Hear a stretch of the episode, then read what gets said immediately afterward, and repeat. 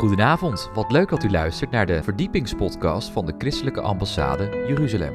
Mijn naam is Joshua Beukers en samen met Jacob Keegstra zoeken wij weer een onderwerp uit hoe de Hebreeuwse wortels een verdieping kunnen geven aan ons christelijk geloof.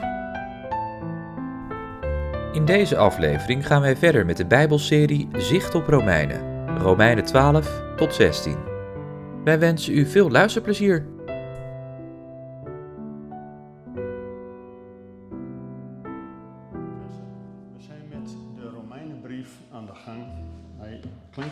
Henny, hij klinkt een beetje blikkerig. Misschien iets naar beneden, ja? Oké. Ehm, uiteraard de kern van de Romeinenbrief.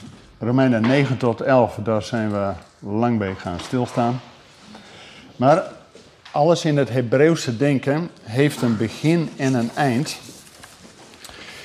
En even begin van de Romeinenbrief. Ja, ja. Komt het goed? Was het wel. Begin en eind geeft het kader aan. En het begin van de Romeinenbrief, Romeinen 1, vers 16, 17. Ik schaam mij het evangelie niet.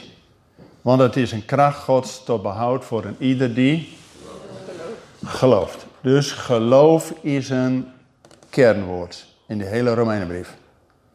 En dan eerst voor de Jood, maar ook voor de Griek. Jongens, dat is al bijzonder, hè?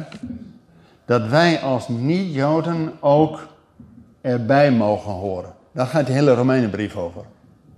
Maar wel de rangorde die God heeft gezegd. Eerst de Jood en dan ook de Griek. Maar Romeinen 1, vers 16, 17 is zo belangrijk.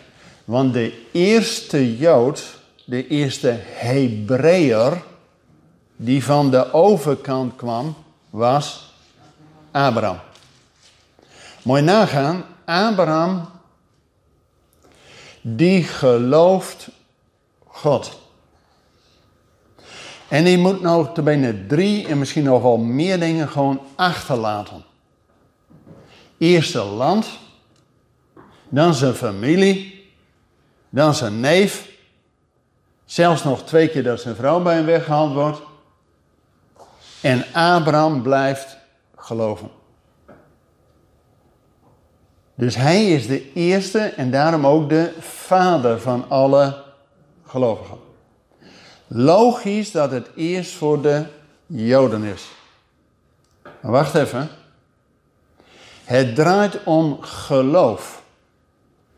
Kijk, pas 400, 500 jaar later is de wet van Mozes erbij gekomen. Als een handleiding hoe je leeft in het koninkrijk van God. Maar de basis is geloof. En dat moeten we dus niet omdraaien. Dat de regeltjes belangrijker worden dan het geloof. Misschien herkent u dat, vroeger vooral ook in de kerk. Ik mocht dit niet, ik mocht dat niet. Denk ik, ja, het ging om het instituut. Maar er werd weinig over geloof gesproken. En daarom, Romeinen gaat eerst over geloof als basis. En nu gaan we naar Romeinen 12, want ja, Romeinen 19, 11, dat hebben we natuurlijk uitgebreid besproken. Romeinen 9 met alle voorrechten die Israël al heeft. Romeinen 10, dat we beide uit genade leven.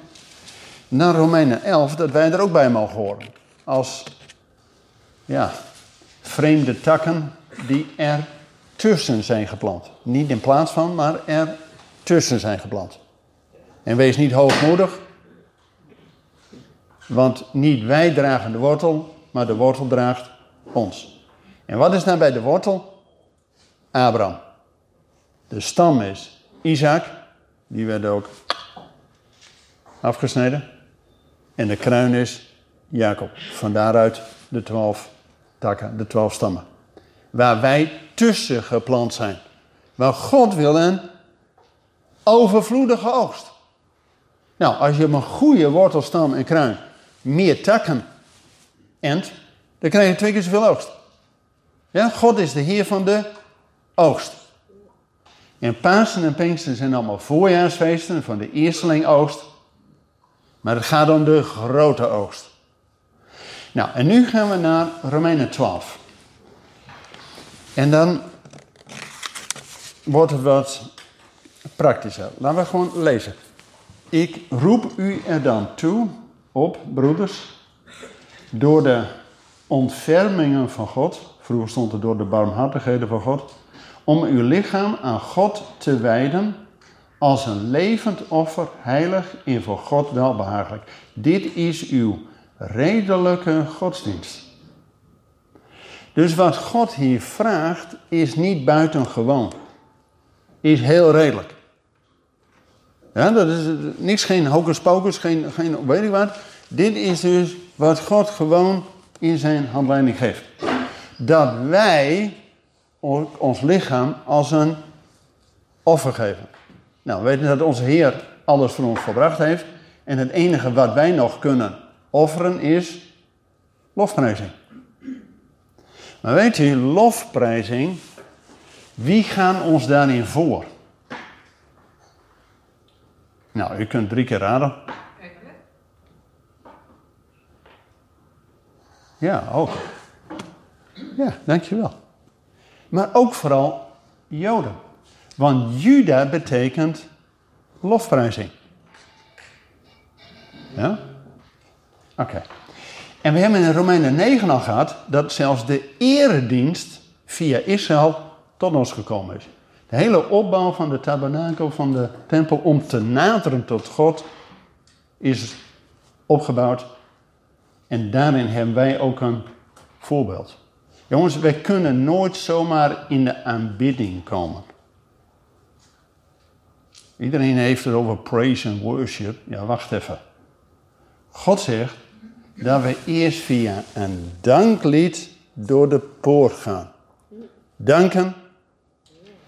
Doe je gewoon met je verstand. Heer, ik was een zondaar, maar dank u wel. Ik ben nu een kind van u. Ik ben door de poort. Van buiten naar binnen. Maar dan wil je ook met je wil God loven en prijzen. Niet om wat hij gedaan heeft, maar om wie hij is. En met een loflied ga je de voorhoven binnen. Maar je komt pas in het heiligdom wanneer Gods geest het overneemt. Wanneer de Shekinah glory viel op die tabernakel, later op de tempel. Jongens, de priesters konden geen dienst meer doen vanwege de heerlijkheid van God. Die gingen plat. Dat is aanbidding. Dus de Bijbel geeft ons het model dat we door dankzegging, lofprijzing, dan pas in aanbidding komen. Oké, dat was Romeinen 9. Nou gaan we verder. En wordt niet aan deze wereld gelijkvormig, maar wordt innerlijk veranderd of vernieuwd door de vernieuwing van uw gezindheid. Om te kunnen onderscheiden wat de goede, welbehagelijke en volmaakte wil van God is. Jongens, dit is een heel belangrijk vers. Want zoals Abraham afscheid moest nemen van Babel en van alles wat er aan het oude leven, hij moest ook, doordat hij tot geloof kwam, stappen zetten. Hij was niet zomaar in het beloofde land, hè? Zo wil God ook van ons dat wij afscheid nemen van een hoop dingen en vooral in onze geest. Dat we vernieuwd worden in ons denken. Gezindheid. En waarom is dat nou zo van belang? Ga eens met me mee naar Zacharia hoofdstuk 9. En daar staat dat God heeft vijandschap tussen de zonen. Dat is Zacharia 9, vers 13b. Uh, de tekst wordt ook geprojecteerd, maar het is altijd goed om even zelf te lezen. Zacharia 9, vers 13b. Moet eens kijken wat daar is. En dan zie je ook dat die Romeinenbrief zo bijzonder is. Want wat staat er? God heeft een vijandschap tussen de zonen van Sion en de zonen van Griekenland. Zo. Zacharia is een van de laatste profeten van het Oude Testament. En we hebben net het Chanukka-feest gevierd. Ja, misschien uh, hebt u dat uh, meegekregen. Wat was de uitdaging van het Chanukka-feest?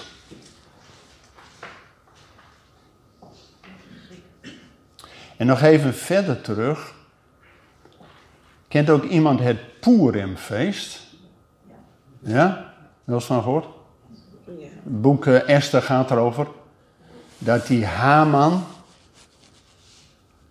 type van de antichrist, die wilde, nou komt hij, het hele volk uitroeien. Nou, God draait het om en wordt het tot een feest. Boeren. Maar het Chanukka-feest was veel geniepiger. Want dat was namelijk dat een heidense koning met de Griekse cultuur, die kwam op uitnodiging naar Israël. Want ook in Israël wilden ze net zo zijn als de volkeren, weet je wel. Israël wou niet apart staan. Israël wou net zo zijn als de volken. Oh, we willen ook een koning, net zoals die andere volken. Nou, ook in de tijd, 167 voor Christus, wilden de Joden, en vooral de bovenlaag, net zo zijn als de andere volkeren. Nou, in die tijd was Alexander de Grote had het Griekse Rijk vanaf Athene tot China toe. Dus ook het hele Midden-Oosten was met dat Griekse cultuur behept. En die hadden de Olympische Spelen. Het lijkt wel vandaag.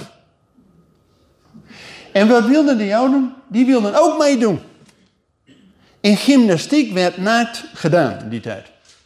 Ja, en als je dan besneden bent, is dat wat lastig.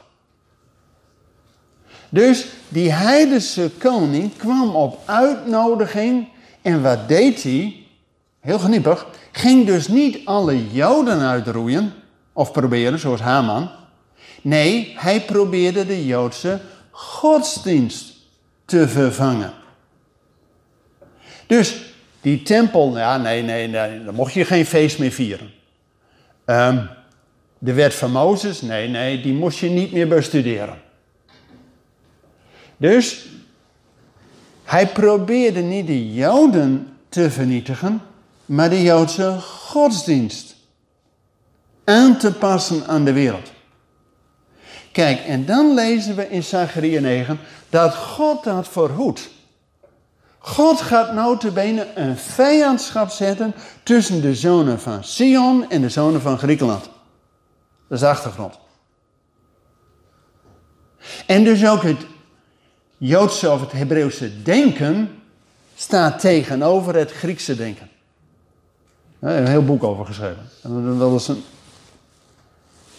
aantal uh, lezingen hierover gehad. En dus, als dan God zegt in die brief aan de Romeinen, Romeinen 12, dat wij vernieuwd moeten worden in de vernieuwing van ons denken, heeft dat dus alles te maken dat we van dat wereldgelijkvormigheid los moeten komen, net als Abraham, en gaan denken zoals God in zijn woord aangeeft.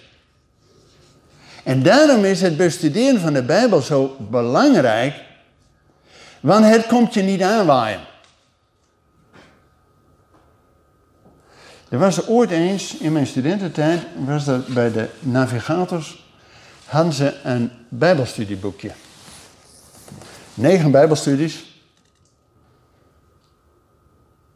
Die nou, daar heb ik geen idee van waar dat over.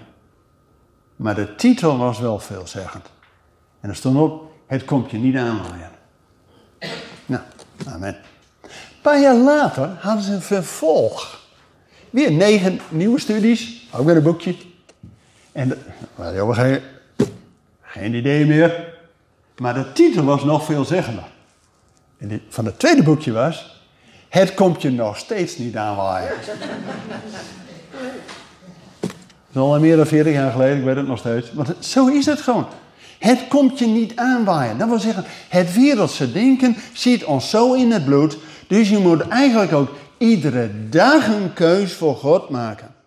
En je laat hem voeden door Gods geest en je voeden door Gods woord. Anders gaat het heel snel de andere kant op. En God zegt, als je nou wilt weten wat ik voor jou wil, het beste, het mooiste en het perfectste. He, want dat staat hier. Om te kunnen weten wat het goede, het welbehagelijke en het vermaakte wil van God is. Nou, wat wil God voor ons? Het mooiste, het beste, het perfectste. Maar dat lukt dus niet om dat te snappen. Als wij nog in de wereld leven. Dan zien we gewoon Gods hand daar niet in. Pas wanneer je tot geloof komt en bewust die, er staat in het Grieks, metanoia. Niet paranoia, dat is wat anders. Maar metanoia betekent een complete turn in je denken. Dan pas kun je snappen wat God voor ons in petto heeft. Nou, daar gaat Romeinen 12 over. En de rest van Romeinen 12 gaat in die praktische uitwerking dat het denken moet doorwerken in wat je doet. En dus de rest van Romeinen 12 gaat over de gaven die je van God gekregen heeft. Want God wil het beste, het mooiste en perfectste, maar door jou heen. Nou, dat is ook weer zo onbegrijpelijk. Waarom heeft God nou niet gewoon de snoeptafel daarvoor gelegd, hè, als een Sinterklaas, en we kunnen gewoon uit, uh, uitzoeken? Nee, God wil dat we daarin gaan oefenen, zodat die talenten tot een ontwikkeling komen.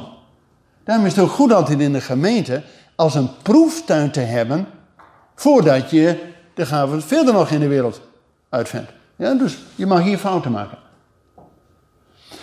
Nou, en dan Romeinen 12 gaat dus verder over die gaven die God geeft. Nou, vergelijkbaar met 1 Korinthe 12, waar het ook allemaal gaat over de gaven. Er zit wel wat verschil in, maar het gaat uiteindelijk allemaal over gaven die God geeft. En ook heel praktisch, hè? Uh, gastvrijheid en al die dingen. En dan kom je op Romeinen 13. Nou, Romeinen 13, die kennen we allemaal. In die zin, eer de overheid. dat wordt ons natuurlijk met de paplet ook in. Uh... Alleen, wacht even. Romeinen 13, eer de overheid. Amen. Maar er is in de Bijbel een lijn van Romeinen 13 naar Openbaring 13. En in Openbaring 13 is de overheid juist tegen alles wat God en zijn gebod doet. Net zoals met het Chanukka-feest en het Poerenfeest. De overheid wilde Israël helemaal vernietigen. Of de overheid wilde de Joodse godsdienst gewoon vernietigen. Jongens, en dat was niet alleen toen, hè. Nog maar 70 jaar geleden was hier in Europa ook zo'n machthebber. Die vooral de Joodse godsdienst en de Jodendom eruit wil knikken. En dat kan heel makkelijk weer gebeuren, hè. Want wij kijken als Nederlanders allemaal de andere kant op, hè. Jongens, als je in Yad Vashem komt in Israël, dan schaam ik mij de tenen uit dat je Nederlander bent. Want het hoogste percentage Joden wat weggevoerd is, kwam uit Nederland. 96 procent. En we houden ons allemaal vast aan de Corrie en die, maar dat waren enkelingen. In Nederland is het altijd de koopman en de predikant. De predikant kan van alles zeggen, maar de koopman daar draait het om. Dus denk niet dat we echt een christelijk land zijn. Jongens, we hebben Romeinen 12 weer nodig. En zeker nu in deze tijd komt het erop aan. Want als de lijn gaat van Romeinen 13, eer de overheid, naar Openbaring 13, dat je niet kunt kopen of verkopen dan een getal op je rechterhand. Jongens, die tijd kan wel eens sneller nabij komen dan wij denken, hè? Kijk, God waarschuwt ons in zijn woord niet voor vaccins of dat soort, maar wel voor controle van de overheid. En dat kan nu natuurlijk heel makkelijk, en anders Google weet alles. Jongens, we gaan helemaal geen complottheorie, je hoeft geen profeet te zijn, maar je ziet gewoon, het gaat die kant op. En door crisissen is het voor overheden heel makkelijk om controle te krijgen. En dan ga je je privacy maar uitleveren. Want ja, je wilt ook huisje, boompje, beestje, noem maar op. Dus er is een waarschuwing in Gods woord van Romeinen 13 naar Openbaring 13. En wanneer de tijd zal zijn, weten we niet. Maar ik vind het bijzonder hè, dat 2000 jaar geleden al in de Bijbel werd opgeschreven, profetie van God. Er komt een tijd dat je niet meer kunt kopen of verkopen dan getal van de beesten wie rechter had. Nou, jongens, dat kan met een aantal jaren wel zo zijn, hè? Dat je echt niet meer uh, naar de winkel kunt zonder. Uh, nou ja, nu hebben we allemaal nog pasjes. Maar goed, ik hoef allemaal geen uh, doemdenken. Maar dan, de tijd die we hebben, gebruiken we om Gods woord met elkaar door te nemen. Want Romeinen 13 is een moeilijk hoofdstuk. Ja, en dan, ik, ik heb eigenlijk boven de lezing gezet. Deze onderdelen, Romeinen 12 tot het eind, gaat over een wisselwerking. Iedere keer over een wisselwerking. In Romeinen 11 was dat al zo dat er enige takken van Israël waren weggebroken en dat het evangelie naar ons gaat. Om wat te doen? Om Israël tot jaloersheid te brengen. Nou, ik moet zeggen dat we in 2000 jaar kerkgeschiedenis van de jaloersheid nog niet zoveel hebben gezien. Jongens, we leven allemaal in advent. En straks, wanneer Jezus als babytje voor het eerst de tempel wordt ingedragen, zijn daar die twee ouden vandaag. Simeon en Anna. Die profeteren drie dingen over kindje Jezus. Er is, hij zal zijn tot licht voor de openbaring voor de volkeren. Nou, dat is gebeurd. 2000 jaar lang, zeker na Jezus, na de Heilige Geest, is het evangelie de wereld ingegaan. Licht tot openbaring voor ons. De tweede is wat die twee oude vandaag profiteren. Eerst is licht tot openbaring voor de volkeren. En de tweede is heerlijkheid voor zijn eigen volk Israël. En de derde verlossing van Jeruzalem. En je ziet dat nu na 2000 jaar dat de evangelie de wereld is doorgegaan, dat God nu de draad weer oppakt met zijn eigen volk. En dat de volheid der heidenen bijna vol is. En dat God weer de draad oppakt met zijn eigen volk om hen tot. Want wat was de bedoeling van God dat God zijn volk uit Egypte naar het beloofde land heeft gebracht? Staat drie keer in Gods woord. Hij zal Israël gebruiken tot hoofd van de volkeren. Abraham was al de oudste van de oudste van de oudste van de oudste van de oudste van de oudste tot de twintigste keer. Dus God gaat de oudste gebruiken tot zegen van al zijn broeders. Zo wil hij ook Israël tot hoofd, oudste, van de volkeren stellen tot zegen van de rest.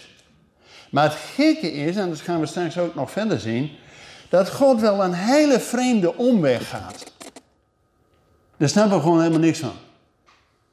Dat God notabene al tegen Jezaja zegt, bij de roeping van Jezaja, dat God vraagt, wie zal ik zenden, wie zal voor mij uitgaan? En dan zegt Jezaja, hier ben ik. En dan zegt God, prima. De woorden die ik je geef, zul je verkondigen. Maar let op, ik ga watjes in de oren stoppen en schellen voor de ogen. Dat is toch vreemd? Zodat het volk nog niet hoort en tot genezing komt. Dus er ligt een bedekking, een geheimenis op. En waarom kwam Jezus 700 jaar later, die in de lijn van de profeten moest handelen? Want anders werd hij niet erkend. Iedereen kan wel roepen, ja, ik wil op die troon van David zitten. Maar als je niet uit de lijn van David komt, en als je ook niet uit de lijn van de profeten komt, wie uh, geloof je? Vandaar dat Jezus ook drie mensen uit de dood deed opwekken. Waarom? Want dat deed Elia en Elisa ook al. En Jezus, nou komt hij, sprak in gelijkenissen tot de hele club. Ook wel geheimenissen van het koninkrijk. Dus die grote scharen, soms wel 5000 mensen, die gaf hij een mooi verhaal, een gelijkenis, een geheimenis over het koninkrijk van God. En die gaf zo nog brood mee. En dan taaiden ze weer af. Maar alleen aan zijn twaalf discipelen, die tot geloof gekomen waren in hem, vertelde hij de diepere betekenis van die gelijkenissen. Is toch vreemd? Dan heb je 5000 mensen voor je en je gaat in geheimenissen, gelijkenissen tot spreken. Maar dat was het plan van God. Daarom is het ook degene die in dat Griekse denken dus denkt dat hij het zelf met zijn verstand kan doorgronden, kom je er niet. Daarom heb je die bekering nodig, dat je door Gods geest geleid wordt. Dan vallen de schellen van de ogen, en dan wat je zou horen, dan pas snap je het. Duurt even. Nou. En de hele Romeinenbrief, en dat zullen we op het eind straks ook zien, dat er een geheimenis is door de eeuwen heen, maar nu geopenbaard, notabene, niet aan Israël, maar aan ons. Nou, snap jij het nou nog? Nou, we gaan de tekst langs. Want als we Romeinen 13, eer de overheid, logisch dat je niet alleen naar de overheid, maar vooral ook de mensen om je heen, liefde tot de naaste. En dan staat er in Romeinen 14, aanvaard dan wie zwak is in het geloof.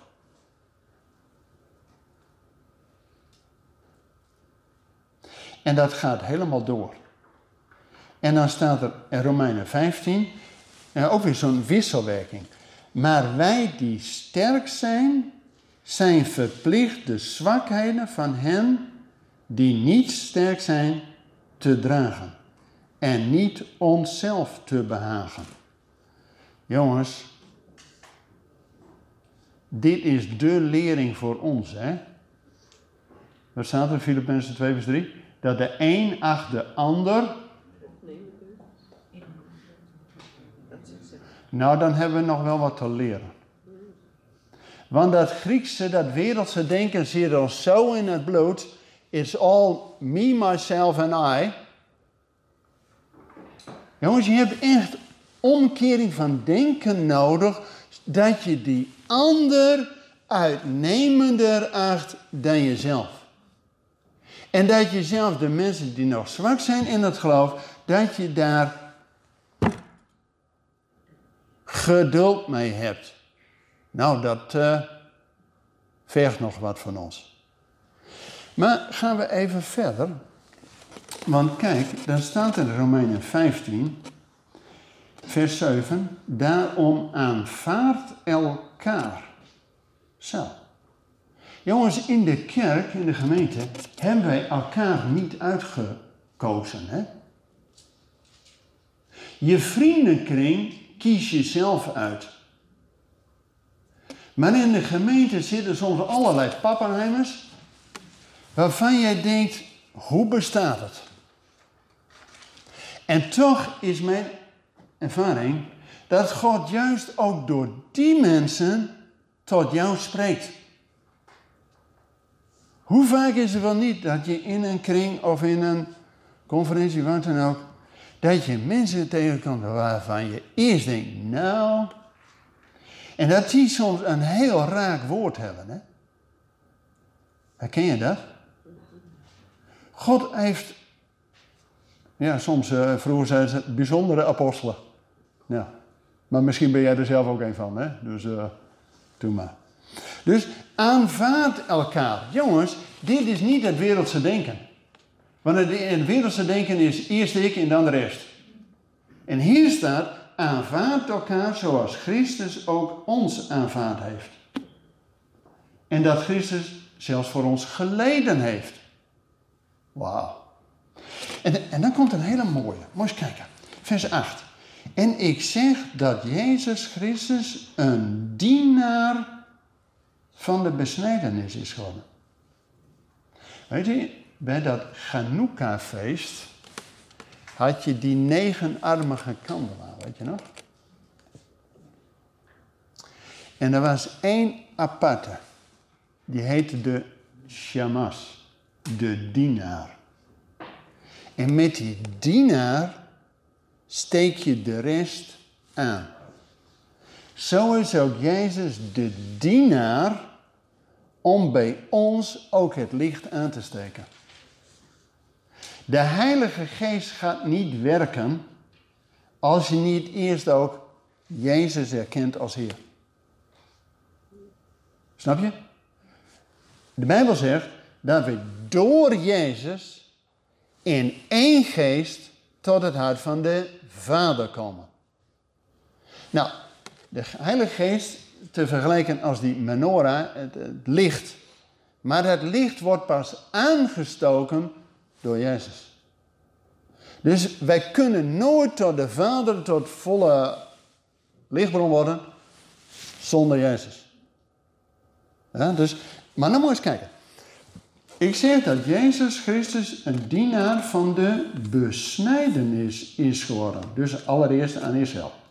Terwijl hij van de waarheid van God en u om de beloften aan de vaderen te bevestigen. Weet je nog dat Jezus drieënhalf jaar lang in Israël rondging? En die had soms even een kleine excursie uh, net buiten Israël. En er komt er zo'n uh, vrouw. En uh, Jezus is vrij hard tegen haar.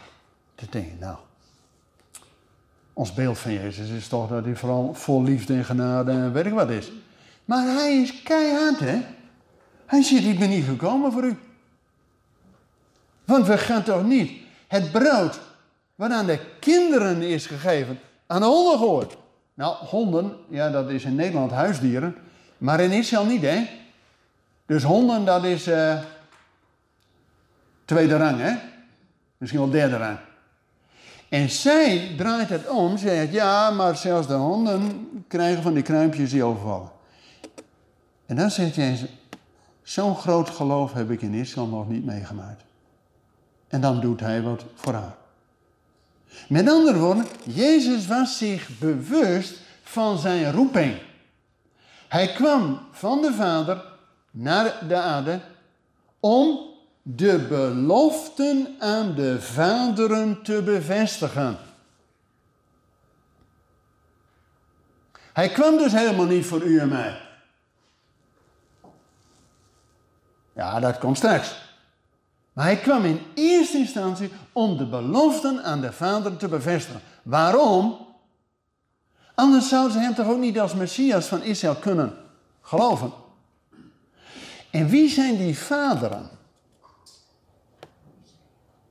Wie zijn dat nou? Ja, in eerste instantie zijn dat natuurlijk Abraham, Isaac en Jacob, hè? de aartsvaderen. Maar in de rest van het Nieuwe Testament, zelfs Stefanus, vlak voordat hij uh, gestenigd wordt, zegt hij tegen alle omstanders, vaderen van Israël. En ook Johannes, de meest geliefde apostel van Jezus, die heeft het tegen ons gelovigen uit de volkeren, als kinderen. Dus wie zijn dan de vaderen? Dat is niet alleen Abraham, Isaac en Jacob, maar Heel Israël. Hé, hey, kijk nou eens naar de laatste tekst uit het, wat wij noemen, Oude Testament. Maar wat niet oud is en geen testament is. Maar goed. Malachi 4, vers 5 en 6. Moet lezen. Malachi 4, vers 5 en 6. Makkelijk te onthouden, 4, 5, 6. Wat staat daar? Zie, ik zend tot u de profeet Elia, voordat de dag van de Heer komt, die grote en onzagwekkende dag. Hij zal het hart van de vaders tot de kinderen terugbrengen. En het hart van de kinderen tot hun vaders. Opdat ik niet zal komen en de aarde met de band zal slaan. Nou, we weten dat Johannes de Doper ook al in de geest van Elia kwam als heraut van de Messias. Maar Elia komt weer als een heraut voor de wederkomst. En wat gaat die Elia doen? Het hart van de kinderen terugbrengen tot het hart van de vaderen. Nou, schrift met schrift vergelijken. Wie zijn die kinderen? Kijk, als je het oppervlakkig leest, dan denk je, amen. Eindelijk harmonie in een gezin. Dus kinderen en vaders, dat het weer koekenij wordt. Amen. Dat is de eerste, de letterlijke. Maar de geestelijke betekenis, wie zijn die kinderen?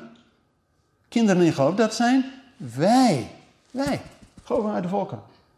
Wij worden door de hele schrift kinderen genoemd. Lees je hele eerste, tweede, derde brief van Johannes maar na. Kinderkers. Wie zijn die vaderen? Dat is Israël. Dus wat gaat er gebeuren vlak voor de wederkomst? Dat wij als gelovigen uit de volkeren weer zicht krijgen op Israël. En ook dat Israël weer oog voor ons krijgt. Nou, en de christelijke ambassade is daar zo'n tussenspeler in. Jongens, 40 jaar geleden was het in Israël niet populair om christen te zijn. Want ja, die hele holocaust zat hun nog uh, goed in de genen. Nu zijn we 40 jaar verder. En God doet wat in ons hart, maar ook in het hart van Israël. En God gaat voordat Jezus weer komt.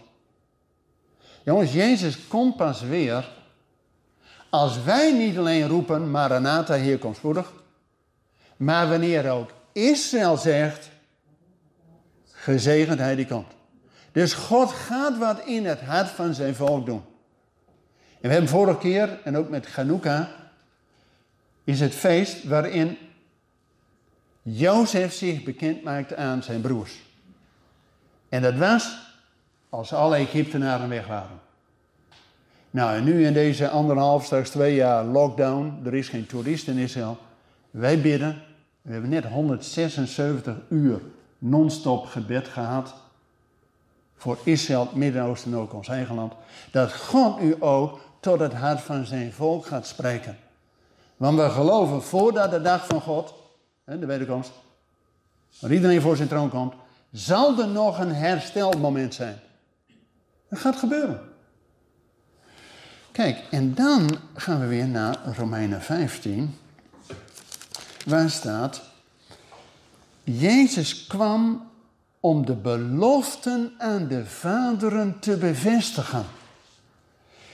En dan komt hij. Nou, het vervolg. En opdat de heidenen God zouden verheerlijken. Nou, dus doordat Jezus iets in Israël doet, gaan de volkeren God prijzen. Dat is iedere keer. Iedere keer. Als Jezus iemand geneest. Nou, er zijn in de Bijbel verschillende verhalen, hè, dat Jezus iemand geneest. En dan gaat het dus niet om die ene persoon die genezen wordt. Dat is hartstikke mooi voor die persoon. Amen. Maar wat staat er? Iedere keer. En alle omstanders gingen God prijzen. En daarom gaat God in het midden der aarde iets aan Israël doen, zodat de volkeren, de omstanders, weten dat er een God is. Daarom gaat Jezus eerst die beloften aan de vader aan Israël bevestigen. Hij werd dienaar van de besnijdenis om daar het licht aan te doen, zodat ook wij, opdat de heidenen God zouden verheerlijken. Dus wij moeten ons verheugen over wat God in Israël aan het doen is. En zeggen, oh zij wel, waarom niet aan ons? Jongens, daarom staat er, aanvaard elkaar en acht de ander uitnemender dan jezelf. Want wij zitten al behoorlijk aan dat Griekse denken vast. Daarom is het in de kerk ook zo moeilijk om Israël de ruimte te geven. Want we denken allemaal, Jezus kwam voor ons. En die komt straks op de Agnietenberg terug. Amen. Nee, waar komt hij terug?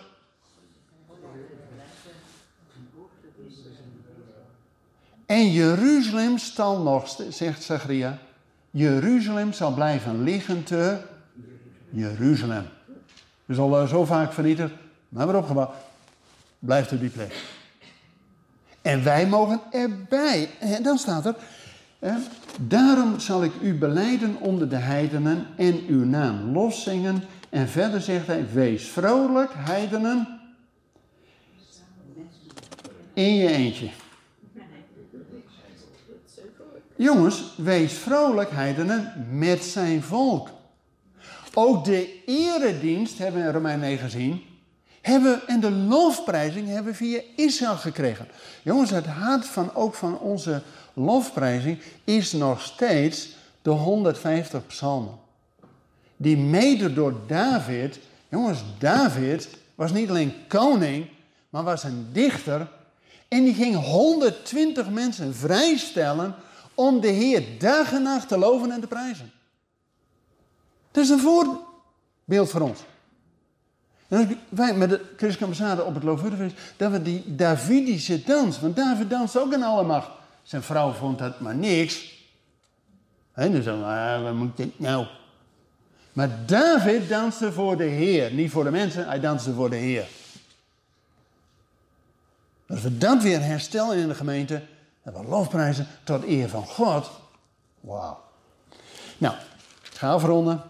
Maar nu zijn nog veel meer dingen over. Kijk, gaan we naar het eind van Romeinen 16. Moet eens kijken, die laatste versen. Laatste drie versen. Romeinen 16, laatste drie versen. Hem nu die in staat is u vast te doen staan overeenkomstig mijn evangelie. Oh, wat is dat nou? Heeft Paulus een, een eigen uh, bijbeltje? Nou, we hebben al uitgelegd dat het evangelie, goede boodschap, werd allereerst aan Abraham verkondigd. In u worden alle volken gezegend. En dat bevestigt Jezus. En dat bevestigt Paulus ook. Dus hij verkondigt gewoon het evangelie. Overeenkomstig mijn evangelie en de prediking van Jezus Christus, overeenkomstig de openbaring van het geheimenis. Heb je dat geheimenis weer? Dat door de tijden der eeuwen heen verzwegen is. En nu geopenbaard is door de profetenschriften onder alle heidenen bekendgemaakt. Is toch vreemd? Waarom is het profetische woord nou niet eerst aan Israël bekendgemaakt? Want hier staat dat het geheimenis dat vanaf Jezaja er al was, nu openbaar wordt door Jezus en aan ons gepredikt wordt. Is toch vreemd?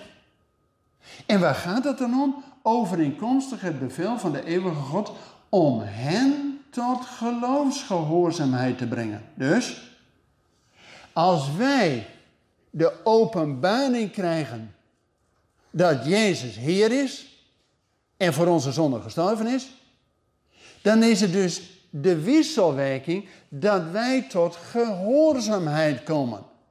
Dan zit het woord hoor Israël, Shema in.